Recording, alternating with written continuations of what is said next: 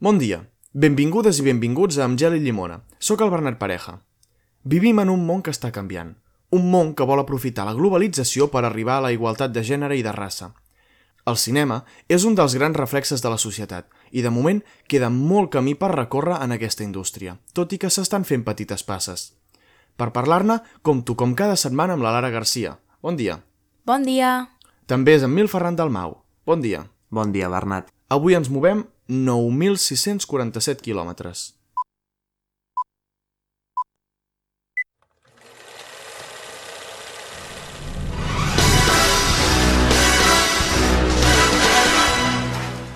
La foscor de l'americana li cobria la camisa blanca i perfectament planxada. El fum que desprenia la cigarreta de la seva mà feia tèrbol l'ambient, que en pocs minuts es tacaria del gust de la pólvora. Amb un engominat perfecte, capaç d'encisar les parelles dels seus enemics a l'hora que acaba amb ells, l'agent 007. Bond, però de nom ja no serà James. Després de 24 pel·lícules, els productors de la nova entrega de la saga, Bond 25, No Time to Die, han decidit que aquesta serà l'última en què el protagonista sigui un home. Després de Sean Connery, Pierce Brosnan i Daniel Craig, entre d'altres, serà la Shanna Lynch qui adopti la plaça d'agent secret de l'MI6 a la gran pantalla. Lynch interpretarà a Nomi, l'agent que hereda la plaça de Bond quan aquest es retira al final de la pel·li. L'actriu serà la primera dona de la història que assumeixi el rol principal de la saga. Té 27 anys, és britànica i és negra. Ha interpretat diferents papers, d'entre ells Rosalind Capulet, de la sèrie d'ABC Studios Steel Star Crossed, i Maria Rambeau, a Capitana Marvel. Link ha dit en algunes entrevistes que a Bond 25 hi ha alguna escena en què la comunitat negra farà un gest d'aprovació amb el cap, molestos amb la realitat, però contents de veure la seva vida representada.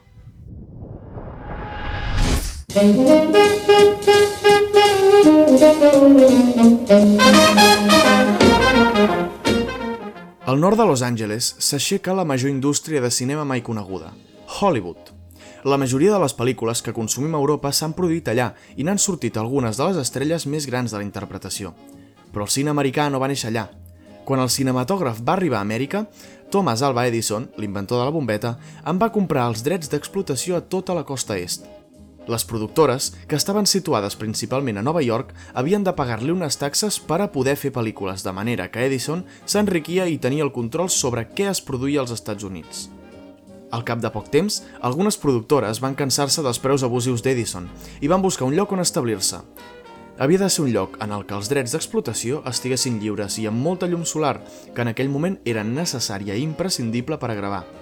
Aquell lloc era la costa oest, a Hollywood. En només un any, el 1911, s'hi van establir 16 productores. Van fundar la Universal City, una ciutat amb alcalde propi on vivien els treballadors de la indústria del cinema. En deien The Capital of the Film World i, malgrat la seva excentricitat, estava banyada per uns valors racistes i heteropatriarcals. Bé, com tota la societat del moment.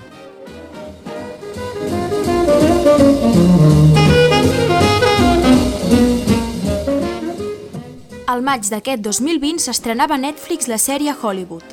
Set capítols ambientats en la dècada del 1940 on es mostra a la perfecció com era aleshores la indústria cinematogràfica de Hollywood. La minissèrie denuncia les injustícies i els prejudicis de raça, gènere i sexe d'aquell període. La història és fictícia, però és plena de personatges reals com ara l'actor Rock Hudson o l'actriu Hattie McDaniel. L'argument gira entorn la productora de cinema Ace Studios, inspirada en la real Paramount Pictures. Posa el punt de mira en diferents personatges que representen tots els rols que hi havia dins la indústria, des del director milionari dels estudis, passant per actors i actrius disposats a pagar qualsevol preu per complir els seus somnis, fins a figures de representants depravats sexuals. Insistim en la sèrie ja que ens sembla un genial exemple per entendre què passava. I trobem casos de racisme latent com el fet de que les actrius negres no podien optar a més papers que els marcats pels estereotips colonials, com per exemple el de fer de criades en cases riques de blancs. I també el fet de que un guionista negre sigui ignorat i no pugui arribar a firmar mai els seus guions. A la sèrie, Queen Latifah interpreta a Hattie McDaniel, la primera actriu negra de la història en guanyar un Oscar, pel seu paper a Lo que el viento se llevó. Tot i que això va suposar un punt d'inflexió per a la història de Hollywood, se li va impedir asseure's amb la resta d'artistes a la cerimònia dels Oscars. McDaniel va esdevenir una pionera del moviment afroamericà. A la sèrie, el seu personatge serveix de mirall per a la protagonista, Camille Washington, una jove actriu negra que lluita per aconseguir un paper principal, interpretada per Laura Harrier.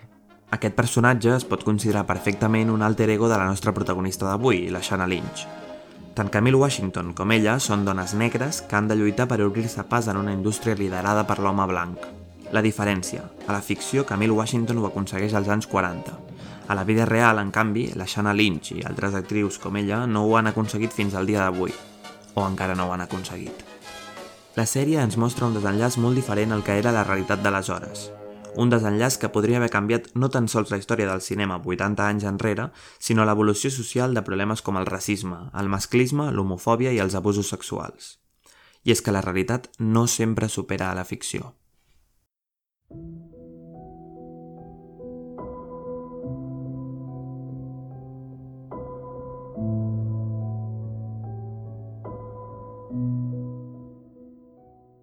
El masclisme i l'abús, com en molts altres àmbits, també estan cobert i silenciat a Hollywood. Queden molts quilòmetres per arribar a la meta de la igualtat, però podem considerar com a tret de sortida la campanya del Me Too. L'etiqueta de Twitter i d'altres xarxes socials es va fer popular després de la denúncia dels reiterats abusos sexuals del productor Harvey Weinstein. Milions de dones arreu del món van sumar-se al Me Too per explicar situacions masclistes que havien viscut. Entre aquestes hi havia moltes celebritats. Actualment, molts papers infravaloren les dones i les tracten com el sexe dèbil. Tenen un rol gairebé sempre secundari a les pel·lícules i produccions, i el missatge va calant a la societat. Des de que són petits, les pel·lícules intervenen en la construcció de la societat patriarcal. ¿Queréis que me quede? Os limpiaré la casa. Fregaré, coseré y también cocinaré. ¿Cocinarás? Blancaneus i els set nans és només un dels casos. Si entreu a YouTube i en busqueu més, en trobareu d'altres pel·lícules de Disney, hem de dir també que normalment estan en les primeres pel·lícules d'aquesta productora. El test de Bechdel és un mètode per analitzar l'escletxa de gènere en pel·lícules i, en general, a produccions audiovisuals. S'han de complir tres criteris que semblen a priori senzills. En primer lloc, han d'aparèixer com a mínim dues dones. També han de parlar entre elles, i no poden parlar sobre homes. Doncs bé, no passen al test les pel·lícules com Avatar o Gladiator, ni tan sols sagues famosíssimes com Star Wars, Pirates del Carib, Els caçafantasmes, Indiana Jones, El Senyor dels Anells, Men in Black o James Bond. I no es tracta només de la presència de personatges femenins, sinó també de la seva importància en la història. Això és el que passa a Marvel, una saga de superherois on surten força personatges femenins. Però tampoc passa el test de Bechdel. Cada vegada més, però, les productores es decanten per donar més protagonisme a les dones. Un dels exemples és precisament a Marvel. Aquest estiu va morir Chadwick Boseman, l'actor que encarnava el rei T'Challa, també conegut com Black Panther. Wakanda forever! Segons sembla, la més ben posicionada per agafar el regnat de Wakanda és el personatge de la seva germana, Shuri, interpretada per l'actriu Letitia Wright. Men in Black, que també l'hem mencionada com una de les sagues que no superava el test, va treure el darrer film el 2019 i per primera vegada una dona, Tessa Thompson, tenia un dels papers principals. I de la saga Oceans va sortir ara fa poc Oceans 8, l'única en què el grup està format per dones. El cas de James Bond, però, va més enllà. No és el sol fet de que el paper protagonista se l'endugui una dona, sinó també el tipus de personatge que farà. L'agent 007 sempre havia estat fins al moment l'estereotip d'home tradicional, dur, fred, intel·ligent i capaç d'enamorar bojament totes les dones. Per fi, però, aquest paper el farà una dona. ¿Sobre usted, señorita? Que su belleza es un problema. Le preocupa que no la tomen en serio. Como cualquier mujer atractiva con algo de cerebro. Cierto, pero lo sobrecompensa llevando ropa ligeramente masculina y siendo más agresiva que sus colegas féminas. Lo que le da un aire un tanto irritable. Y paradójicamente, hace menos probable que sus superiores masculinos la acepten y la asciendan, ya que estos interpretan su inseguridad como una señal de arrogancia.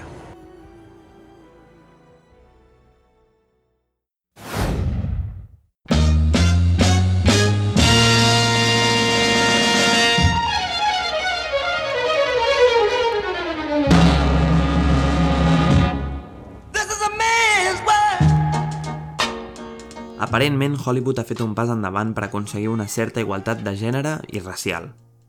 Aquest canvi, però, moltes vegades no passa de la gran pantalla. S'ha criticat moltes vegades Hollywood de dur a terme polítiques feministes falses, en les quals la imatge i la paraula és molt més important que els fets i les accions. Les pel·lícules en les que una dona és protagonista han augmentat un 40% entre les més taquilleres de 2019, però la diferència salarial encara es manté. Tot i així, encara hi ha el doble de possibilitats de veure un protagonista home que una protagonista dona. Totes aquestes dades les recull l'estudi It's a Man's Celluloid World. La paraula celluloid fa referència al material amb el qual es feien les primeres cintes de vídeo. Aquest estudi també conclou que en les pel·lícules és més possible saber l'estat civil de les dones que el dels homes i que a elles se les mostra menys en un ambient de feina. Un 68% de les dones utilitzades com a mostra per aquest estudi eren blanques, i és que el racisme també és un viatge que no s'aconsegueix eliminar. En les tres últimes edicions dels Oscars, Globus d'Or i Emmy, hi ha hagut un total de 69 nominats i nominades negres davant dels 492 blancs o blanques. Tot i que la xifra encara és molt baixa, sembla que s'estan donant més papers a minories ètniques, se'ls està tractant amb més respecte i s'està actuant contra clàssics que promouen el racisme. Un exemple d'aquest últim cas és la polèmica que hi va haver arrel que Netflix retirés Lo que el viento se llevó de la plataforma per la idealització de l'esclavitud. És evident que hi ha casos on negres també han guanyat premis, com pot ser el cas de l'afrollatí Jarrell Jerome, que va guanyar l'Emmy a millor actor el 2019, però les diferències salarials i la importància dins dels llargmetratges mostren que encara queda un llarg camí per recórrer. Abans de marxar, si us ha agradat la temàtica d'avui, us recomano moltíssim veure la sèrie de la que us parlàvem fa una estona, Hollywood. La trobareu a Netflix i és una història brillant, amena, plena de realitat i molt necessària, sobretot per entendre doncs, tot el que està passant a la indústria cinematogràfica de Hollywood. Ara sí, Bernat, Ferran, marxem abans que es desfaci el gel. Gràcies per escoltar-nos. Us esperem la setmana que ve, al setè capítol d'Amgel i Llimona. Fins una altra!